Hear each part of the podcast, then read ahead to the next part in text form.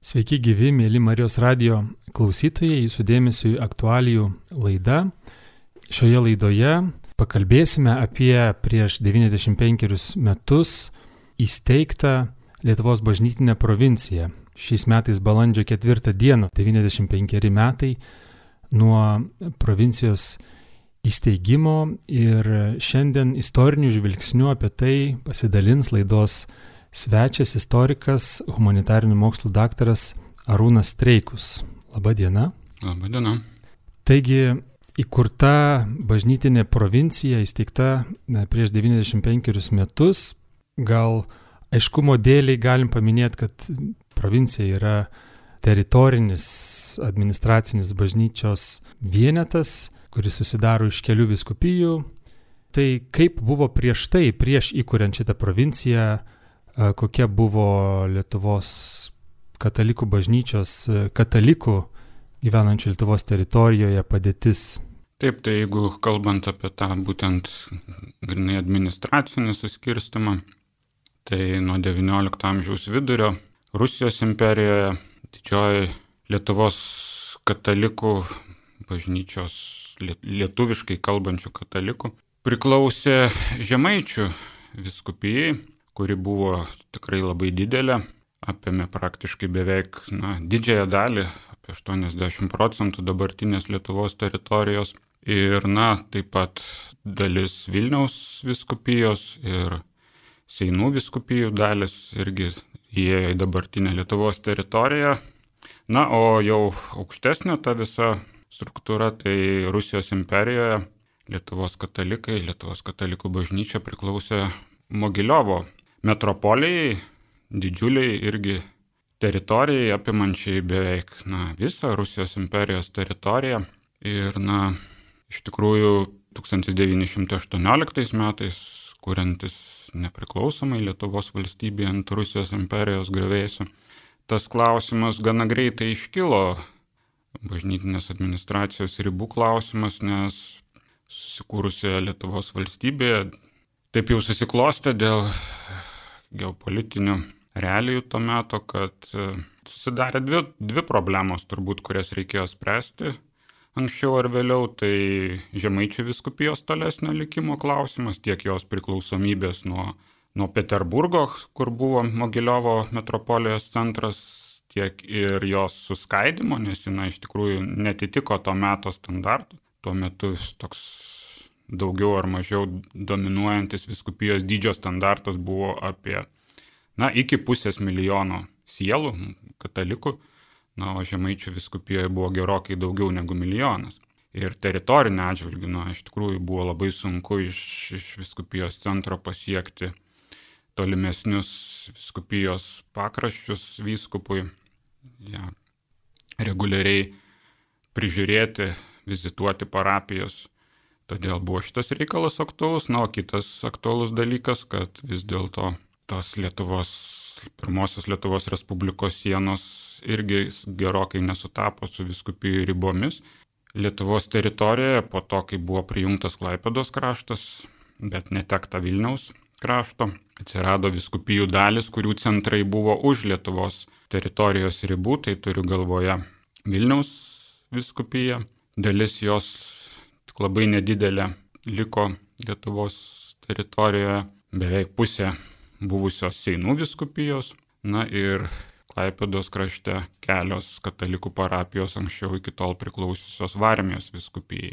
Taigi tie viskupijų iš tų, iš tų viskupijų dalių centrai buvo už Lietuvos ribų ir administruoti jas dėl to irgi buvo labai nepatogu ir na, praktiškai galbūt tam jauno nacionalizmo epochoje gal beveik net ir neįmanoma. Tai tokia padėtis e, buvo jau jaunai Lietuvos valstybei, kadangi ta provincija įsteigta 26-aisiais. Tai va tie metai e, nuo nepriklausomos Lietuvos buvo tokia kaip ir netvarka administracinių suskirstimų. Ir ar tai buvo natūralus toks posūkis, kad e, anksčiau ir vėliau ta provincija turėjo būti įsteigta, ar tai galima ir galbūt netgi pavėluotas šiek tiek, ar tai galima kažkaip įvardinti kaip e, laimėjimą, pasiekimą, kad galėjo taip ir nebūti? Ne, tai be abejo, žinoma, tas klausimas anksčiau ar vėliau turėjo būti sprendžiamas, bet vėlgi istorinės to meto sąlygos trukdė jį spręsti greičiau. Manau, kad kitomis sąlygomis tas būtų klausimas sutvarkytas daug anksčiau. Tiesiog čia vėlgi galima matyti dvi tarptautinių santykių problemas, regiono problemas, kurios trukdė šitą klausimą anksčiau spręsti. Tai visų pirma, Rusijos imperijos tolesnio likimo valstybės raidos tolesnės klausimas atviras, kuris po bolševikų perversmo 17 metų pabaigoje ilgai buvo neaiškus, bent jau žvelgiant iš Romos, ten vykstantis procesai, pilietinis karas kilęs greitai, išsitęsęs keletą metų Lenkijos ir sovietų bolševikinės Rusijos konfliktas, taip pat ir besikarančios Lietuvos susidūrimai su, su bolševikinė Rusija. Visą tai, na, taip savotiškai dar kuriam laikui užšaldė tą to klausimo sprendimą, nes Vatikane vis dėlto laukiama, kol paprastai tos bažnytinė administracijų ribos pertvarkomos tik tada, kai nusistovi daugiau ar mažiau geopolitinė situacija regione, tai buvo laukiama, kol šis klausimas, na, daugiau ar mažiau bus aiškus. Tai tik tai pasibaigus pilietiniam karui Rusijos teritorijoje bolševikų režimui įsitvirtinus jau po 22 metų, kai jau dalis vakarų valstybių pripažino juos kaip teisėtą valdžią, tai jau ta problema buvo iš dalies įspręsta ir šiuo požiūriu buvo galima artėti prie sprendimų, bet kita problema radosi paraleliai ir užsitęsė kiek ilgiau, tai prasidėjęs teritorinis e, Lenkijos ir Lietuvos konfliktas dėl Vilniaus krašto. Irgi ta Vilniaus tolesnės priklausomybės problema buvo ilgą laiką atvira, neaiški. Ir dėl to labai strigo Lietuvos Respublikos ir Šventojo Sosto pokalbiai, dėrybos dėl bažnyčios padėties Lietuvoje sureguliavimo, tuo pačiu ir dėl bažnytinės provincijos įkūrimo. Jie, na, praktiškai būtent dėl to Lietuvos vyriausybių nenoro ir, na, skirtingų galbūt vizijų Lietuvos vyriausybių noro, kad Vatikanas kažkaip tai įsipareigotų tam Vilniaus klausimai, pripažintų Vilnių Lietuvos dalimi, na, labai sunkiai sekėsi susikalbėti ir susitarti dėl, dėl būtent to Vilniaus viskupijos tolesnio likimo, kur, ką, koks turi būti jo statusas. Tai ir tik tai po to, kai galų gale 25 metų pradžioje vasario mėnesį Šventasis sostas na, galbūt ir praradęs kantrybę dėrėti su, su jauna Lietuvos valstybė, susitarė ir sudarė konkordatą su Lenkija, kuriuo buvo Vilniaus viskupija, sukurta atskira Vilniaus metropolija, Vilniaus arkiviskupija. Ir Vilnius kaip ir pateko į Lenkijos bažnytinės provincijos ribas, tai jau kai šitas klausimas buvo įspręstas, nors jis ir sukėlė labai audringą reakciją Lietuvoje, pasipiktinimo bangą, praktiškai dėl to buvo išaldyti Šventojo sosto ir Lietuvos santykiai laikinai, dėl to, kad paštalinis delegatas pasitraukė iš, iš Kauno į Rygą, pervažiavo. Tai, bet vienai par kitaip tas klausimas buvo jau išspręstas ir tik tai dabar jau buvo laiko klausimas, kada bus na, galima pasiekti tą kompromisą ir su Lietuva ir galutinai sutvarkyti tos bažnytinių ribų klausimus. Nepaisant tų konfliktų ir tų klausimų dėl Vilniaus krašto, ar galim e, šitos e, Lietuvos bažnytinės provincijos įsteigimą vadinti, traktuoti kaip e, Lietuvos valstybės pripažinimą, da, dar vieną ir labai stiprų žingsnį. Na tai tas toks juridinis pripažinimas kaip valstybės iš Vatikano pusės jau jisai buvo padarytas anksčiau, kai buvo apsi, susi, ap, ap, apsikeista ir tam tikro diplomatinio rango atstovais ir tie diplomatiniai santykiai buvo užmėgsti. Trečiojo dešimtmečio pradžioje, bet e, tas, na, ir bažnytinių struktūrų priderinimas suderinimas su modernios tautinės valstybės teritorija, su naujomis aktualiamis, manau, iš tikrųjų buvo na, toks papildomas galbūt įtvirtinimas įvykusių pokyčių, taip pat ir bažnytinėme gyvenime. Tai, tai šia prasme taip, galima matyti tai kaip ir na, dar vieną šventojo sosto tos jaunos Lietuvos Respublikos laiminimą, jos pasirinkto savarankiško raidos kelio pripažinimą. Ir čia galbūt tokia dar minėtina įdomi ir retai galbūt kalbama apie tai Litonorum gente kontekste, kad vis dėlto tas klausimas laiko, laiko atžvilgių sutapo ir su Rusijos bažnytinės administracijos tokiu na, laikinu sprendimu. Praktiškai beveik tomis pačiomis dienomis, kai buvo paskelbta Litonorum gente, bulė, štalinė konstitucija, tuo pačiu metu popiežiaus pasiuntinys Maskvoje, na, su specialia misija atvykęs vyskupas, e, prancūzų kilmės vyskupas jezuitas Mišelis de Erbiny, Jis kaip tik tomis pačiomis dienomis e, pertvarkė tą Mogiliovo metropoliją, įsteigdamas laikinas apaštalinės administratūras jų vietoje. Ir tokiu būdu tas ilgai, na dar su Rusijos imperijos, iš Rusijos imperijos laikų ateinantis Mogiliovo metropolijos klausimas de facto buvo išrištas galutinai jau po to, kai buvo įkurta atskira savarankiška Lietuvos bažnytinė provincija ir po kelių dienų pertvarkytas tas Rusijos imperijos bažny... kat... katalikų bažnyčios reikalų tvarkymas. Čia turbūt galima spėti, nors reikėtų detalesnių tyrimų, kad iš pradžių konkordatas su Lenkija ir Lenkijos bažnytinės administracijos sutvarkymas, o po metų ir Lietuvos reikalų sutvarkymas na, galutinai atrišo rankas jau ir spręsti Rusijos reikalus, bet to jau tuo metu buvo žlugusios ir, ir viltis pasiekti kažkokį tai praktinį susitarimą su bolševikų vyriausybė. Tai tomis pačiomis dienomis tada ir tie dalykai turbūt buvo sprendžiami. Nes iš Romos, iš Vatikano rūmų vis dėlto tas regionas daugiau ar mažiau buvo traktuojamas, na, kaip viena tokias, vienas geopolitinis darinys, kur reikia kompleksiškai spręsti klausimus. Tai, na, buvo tas terminas Baltijos kraštai jau tuo metu naudojamas Vatikano biurokratinėje toje visoje korespondencijoje, bet jis visuomet buvo pririštas prie Rusijos reikalų irgi, nes, na, tie regionai iš, iš Romos buvo matomi kaip, kaip viena, nors ir jau diferencijuota erdvė. Dar dėl Vilniaus krašto, dėl Vilniaus viskupijos Jūs minėjot, kad jisai priskirtas Lenkijos provincijai. Teko skaityti, kad e, vis tik sudarant e, viskupijas, e, jos buvo sudarytos taip, kad rodytų, jog Vilniaus viskupijos klausimas dar nėra išspręstas. Ar tai buvo, ar buvo kažkokių klaustukų palikta, nežinau, ateities kažkokiams dėryboms ar, ar pokyčiams? Taip, tai toje, e, toje dalyje, nedidelėje dalyje Vilniaus, buvusios Vilniaus viskupijos, kuri atsidūrė Lietuvos teritorijoje, buvo nuspręsta steigti atskirą viskupiją, o ne tą dalį prijungti prie kažkokios tai didesnės e, viskupijos dalies, kitos viskupijos, nes, na, iš tikrųjų, tas toksai teritorinė prasme, tas darinys buvo labai tikrai keistas ir, ir, ir nebūdingas, labai nedidelis, kontūrai jo buvo labai ištesti, tokia siauras ruožas, tai na, atrodytų, kad na, bent jau iš bažnytinės administracijos plotmė žiūrint, tai tikrai visiškai nelogiškas sprendimas.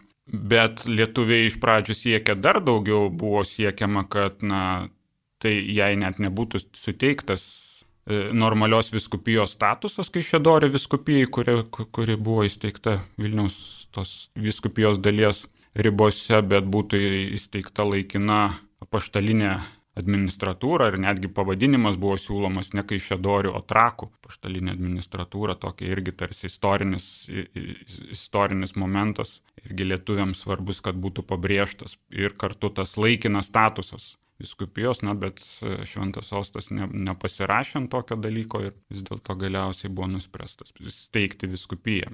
Steigiant Lietuvos bažnytę provinciją yra ryškus palaiminto vyskupo Jurgio Matulaičio vaidmuo. Koks jis buvo, kokia jo darbų svarba yra šio klausimu?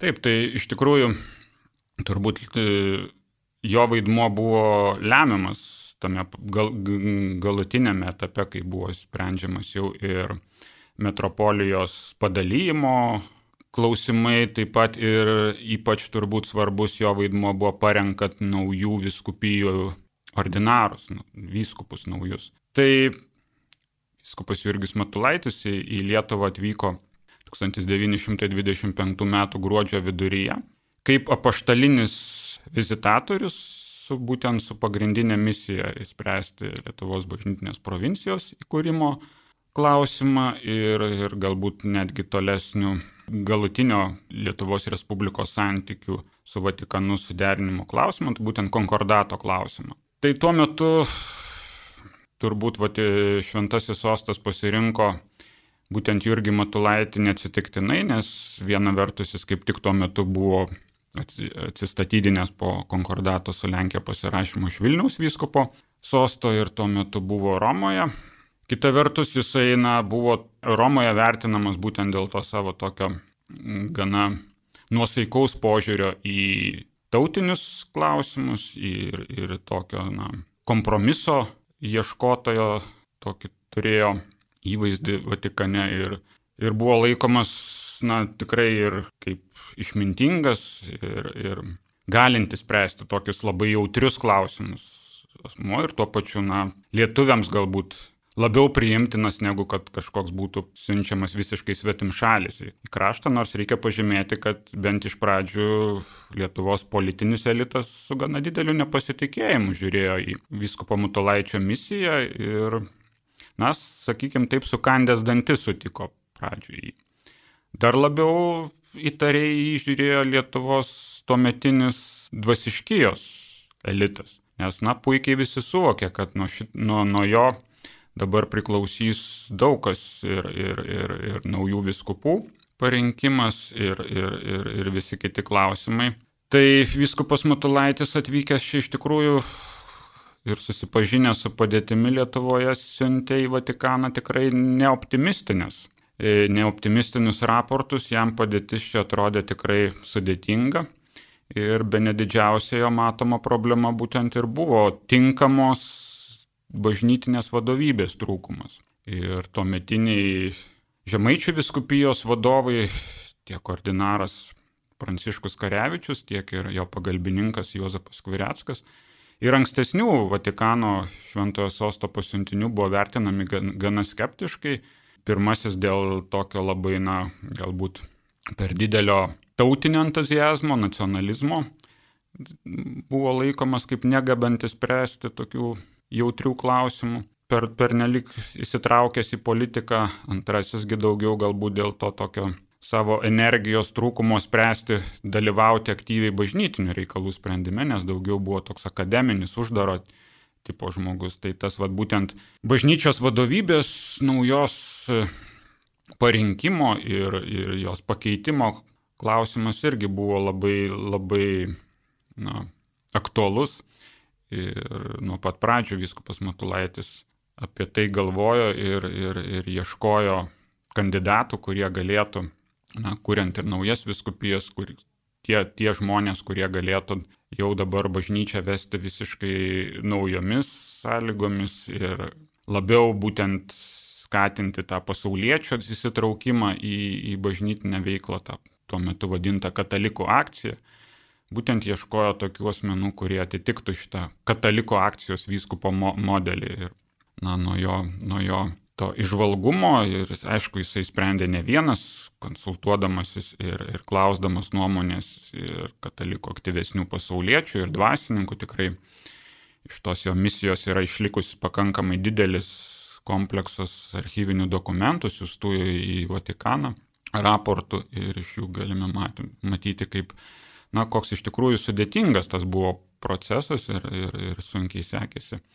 Suderinti įvairias pozicijas, įvairias nuomonės, na, pasirinkimas tas, kuris buvo padarytas, manau, na, jis tuometiniam sąlygom daugiau ar mažiau buvo adekvatus, buvo vis dėlto parinkti asmenys pakankamai energingi, pasižymėjo anksčiau daugiau galbūt tokioje visuomeninėje, politinėje veikloje, bet tai gal irgi buvo būdas savotiškas Vatikano ir, ir vyskupo Matulaičio kaip šventojo sosto atstovo ištraukti juos galbūt labiau iš tos visuomeninės politinės veiklos ir įveiklinti juos sprendžiant svarbius bažnytinius klausimus susijusius su naujųjų viskupijų kūrimu, nes ir buvo būtent vienas iš tokių motyvų steigti kuo daugiau viskupijų, dalinant tą žemaičių viskupiją, įsteigti kuo daugiau viskupijų centrų, kad būtent duoti tą impulsą to ir bažnytinio gyvenimo suaktyvinimui, nes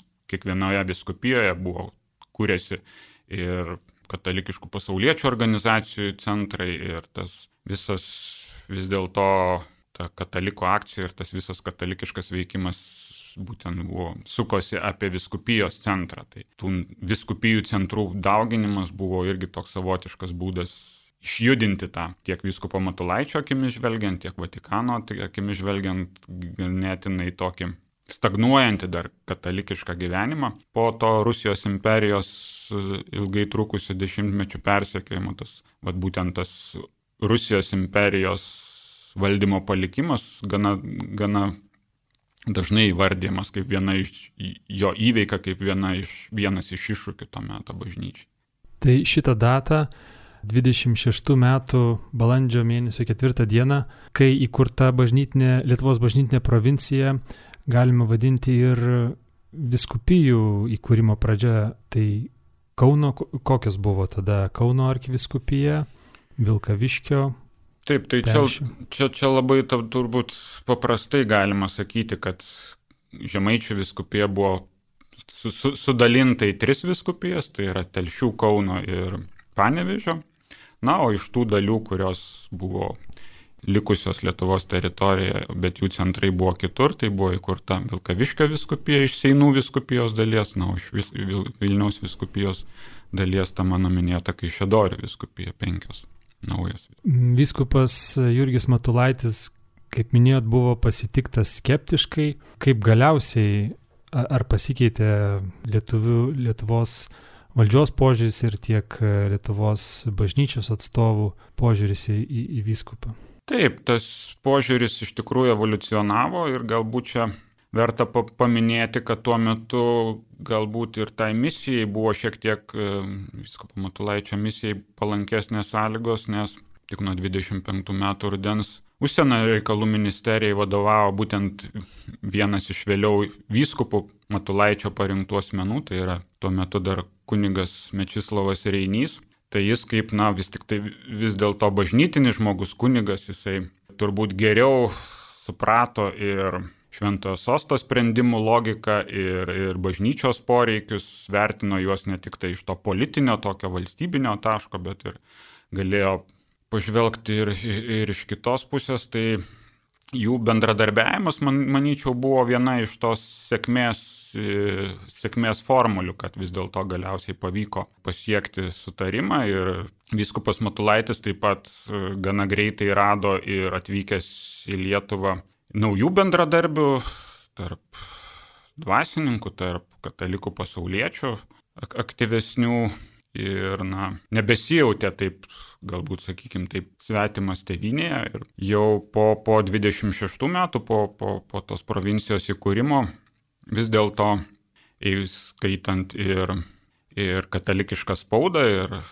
katalikiškų pasauliečių draugijų dokumentus, matyt, kad vis dėlto tas sprendimas buvo na, priimtas kaip dovana šventojo sosto, kaip na, vis dėlto pozityviai, daugiau mažiau. Ir čia galbūt šiek tiek kontrastas galėtų būti tarp politinio lauko ir, ir, ir visuomenės reakcijų. Jeigu visuomenė priėmė tą, tą visą įsprendimą Lietuvos bažnytinės provincijos įkūrimą pozityviai ir su, su džiaugsmu, tai politinėme laukia vis dėlto būta e, nemažai tokių ir nusivylimų, galbūt labiau galbūt išnaudojamo kairiųjų, liberaliųjų jėgų, taip pat polimui prieš krikščionius demokratus, kad jie, na, čia pernelyg nuolaidžiai elgėsi šitame visame tose visose dėrybose, galbūt netgi ir e, nepilnai kontroliavo tą visą procesą, kad Vatikanas priėmė vienašališkai kai kurios sprendimus, tai visa tai vėliau politinėje kovoje buvo išnaudojama ir, ir netgi galbūt šiek tiek iš dalies, nors tikėtasi priešingai, kad krikščionims demokratams tai bus suskaityta kaip na, pliusas ir kad jie galbūt dėl to galės laimėti ir vėl Seimo rinkimus, bet dėja pasirodė, kad e, labiau buvo išnaudojama būtent prieš juos, kad jie čia, na, nepilnai atstovavo Lietuvos tą valstybinį galbūt interesą ir nepasiekė maksimumo, ką, ko galėjo, ypač tas, dėl to Vilniaus klausimo, nes Lietuvos bažnytinės provincijos įkūrimas irgi buvo, na, kairiųjų, liberaliųjų, jeigu interpretuojamas, na, kaip ir savotiškas atsisakymas nuo Vilniaus, nes sutinkamas su tuo, kad buvo įkurta ta, kaip minėjau, normali viskupija tos Vilniaus viskupijos dalies teritorija. Mėly Marijos radio klausytojai, šiandien laidoje kalbame apie Lietuvos bažnytinės provincijos įkūrimą, e, nuo kurio per šių metų Velykas sukako 95 metai. Ir apie tai istoriniu žvilgsniu dalinasi istorikas Arūnas Treikus. Gerbiamas Arūnai, kokius galėtumėm išskirti ryškiausius laikotarpius provincijos gyvavimo laikotarpių per šios 95 metus, kokius ryškiausius etapus ir galbūt asmenybės veikusias Lietuvos bažnyčioje. Tai čia iš tikrųjų gal reikėtų patikslinti, tokia provincija, tokia Kauno metropolija iš esmės jinai neegzistavo 95 metus. Kaip žinia, 91 metais jau atkūrus nepriklausomybę buvo vėl E, vėl pertvarkytos bažnytinės administracijos ribos ir įkurtos dvi taip, atskiros met, metropolijos. Dvi e, provincijos Lietuvoje, taip? Taip, tai jeigu kalbėt apie šitą 26 metais įkurtą metropoliją, tai jos, e, jos istorija jau yra pasibaigusi 91 metais, tai jos istorija ne 95 metai, o šiek tiek mažiau.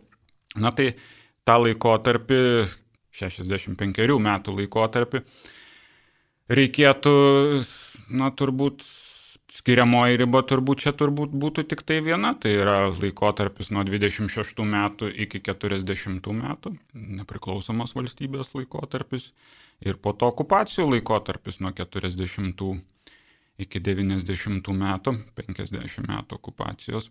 Tai na, šie laikotarpiai. Bet tuo metu, kai Lietuva buvo okupuota 40-aisiais, provincija gyvavo, ar jinai buvo kažkaip oficialiai panaikinta, ar ne? Ne, tai aišku, juridiškai, formaliai toliau egzistavo ir, ir veikė ir viskupijos, ir viskupai buvo e, po tam tikros pertraukos šventinami tiesa, nei vienas iš jų iki pat 90 metų nebuvo skiriami kaip viskupai ordinarai, pabrėžiant tą tokį, na, ne, ne visiškai normalią situaciją Lietuvos, taip pat ir bažnytinio gyvenimo buvo jie skiriami, na, kaip apaštaliniai administratoriai viskupai.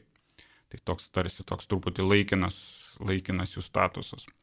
Na tai čia irgi turbūt galima ir netgi ir tame okupacinėme laikotarpyje dar įskirti tokius galbūt siauresnius etapus, kai Tai būtų turbūt nuo 40 metų, na, nuo 45 metų turbūt tiksliau būtų sakyti, iki, iki turbūt 55 metų laikotarpis, kai iš vis praktiškai nebūtų jokių legalių tiesioginių santykių su, su šventuoju sostu. Na, ir Lietuvoje likę viskupai buvo beveik visi represuoti, kiti pasitraukė į vakarus, tai na, praktiškai ta Lietuvos bažnytinė provincija, Kauno metropolija liko be, be, be tokios bažnytinės vadovybės, buvo viskupijos valdomos laikinų viskupijų kapitulų paskirtų vikarų. Tai tas, aišku, laikotarpis buvo ypač sudėtingas. Vėliau palaipsniui, aišku, buvo atkuriama ta daugiau ar mažiau normali administracija su Vatikano probavimu, jau skiriami paštaliniai administratoriai, nors irgi ne visada viskupai, dar toliau dar kurį laiką buvo kapituliniai vikarai kai kuriuose viskupijose. Na ir turbūt iki pat sovietmečio pabaigos negalim kalbėti apie kažkokią tai normalybę šitoje srityje, nes, kaip žinia, nuo 70-ojo dešimtmečio pradžios e, net iš pradžių trys, po to du viskupai, viskupai Matulionį, Teofilį Matulionį mirus buvo na, nušalinti sovietų valdžios nuo, nuo nuo savo pareigų ir, ir, ir negalėjo valdyti viskupijų, kurias valdyti jie buvo paskirti. Tai, tai tie, na, tokie administravimo prasme tų problemų vis, vis, visą laiką sovietmečių išliko.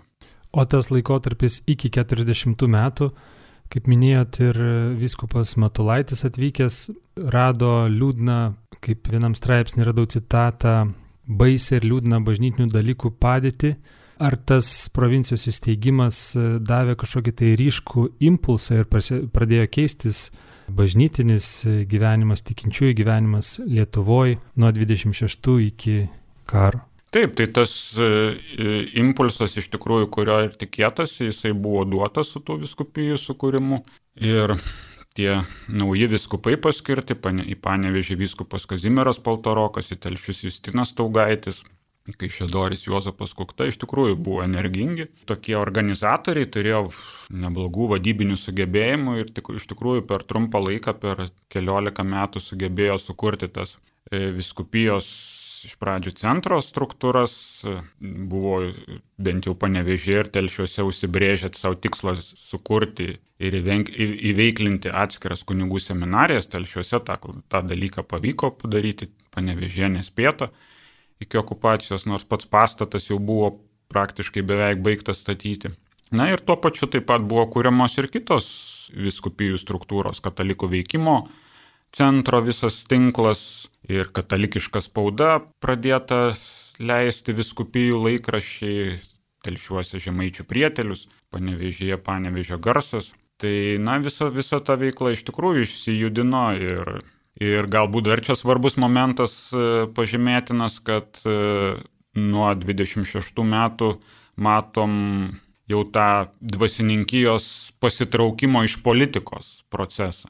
Tas buvo ir viskupo Matulaičio siekis ir, ir, ir nuolat akcentuojama, kad na, tas labai aktyvus ir gausus Lietuvos dvasininkų įsitraukimas į politiką kenkia bažnyčios autoritetui, supriešina ją ir skaldo ją, tai tas buvo jau beveik įsakmiai duotas nurodymas pasitraukti iš politikos ir tik jau šimtiniais atvejais dvasininkams viskupai galėjo leisti dalyvauti ar tai rinkimuose Seimo, to, į tą jau smetoninį Seimą, ne, ne visai demokratinį, ar kažkokioje kitoje politinėje veikloje priklausyti partijų valdantiesiems organams. Tai su tuo turbūt irgi galima, na, su, su bažnytinės provincijos įkūrimu ir to bažnytinio gyvenimo sutvarkymu sieti tą, tą Lietuvos, na, ir savotišką viešojo gyvenimo dek, deklerikalizaciją.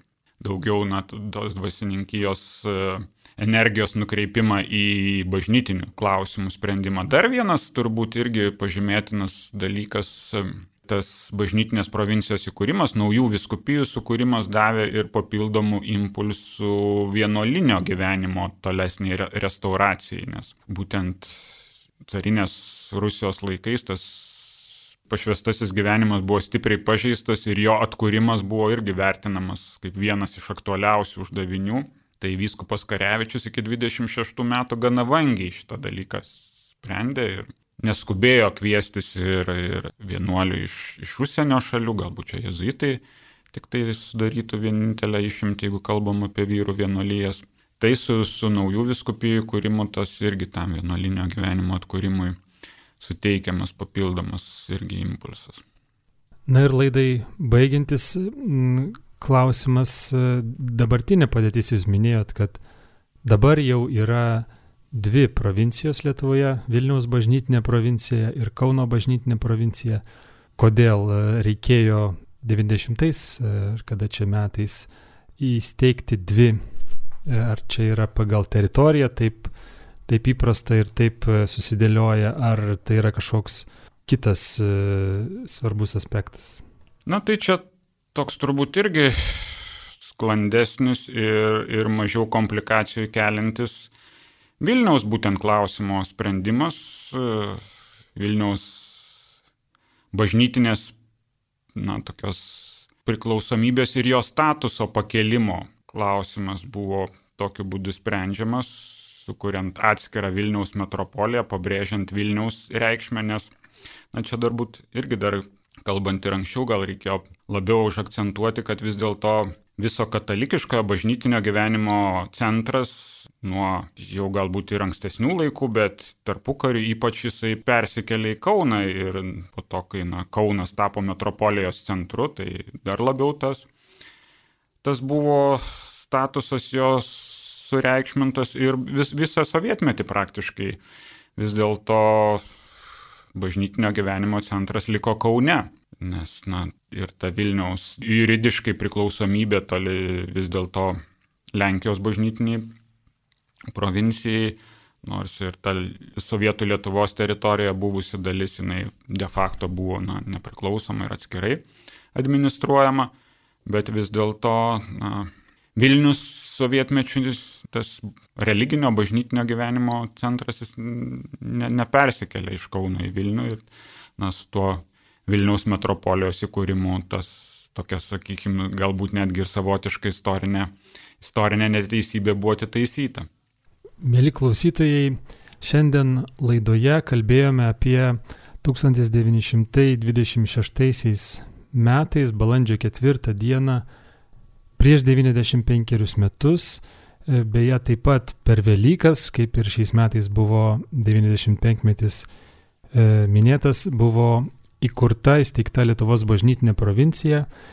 Ir laidoje istorikas Arūnas Streikus mums pateikė istorinį žvilgsnį apie tai. E, dėkoju, mėly Marijos radio klausytojai, uždėmesi, dėkoju ir jums, Arūnai, už tai, kad atėjote į studiją, kad dalyvavote laidoje. E, visiems linkiu ir toliau likti su Marijos radiju. Sudie. Sudie.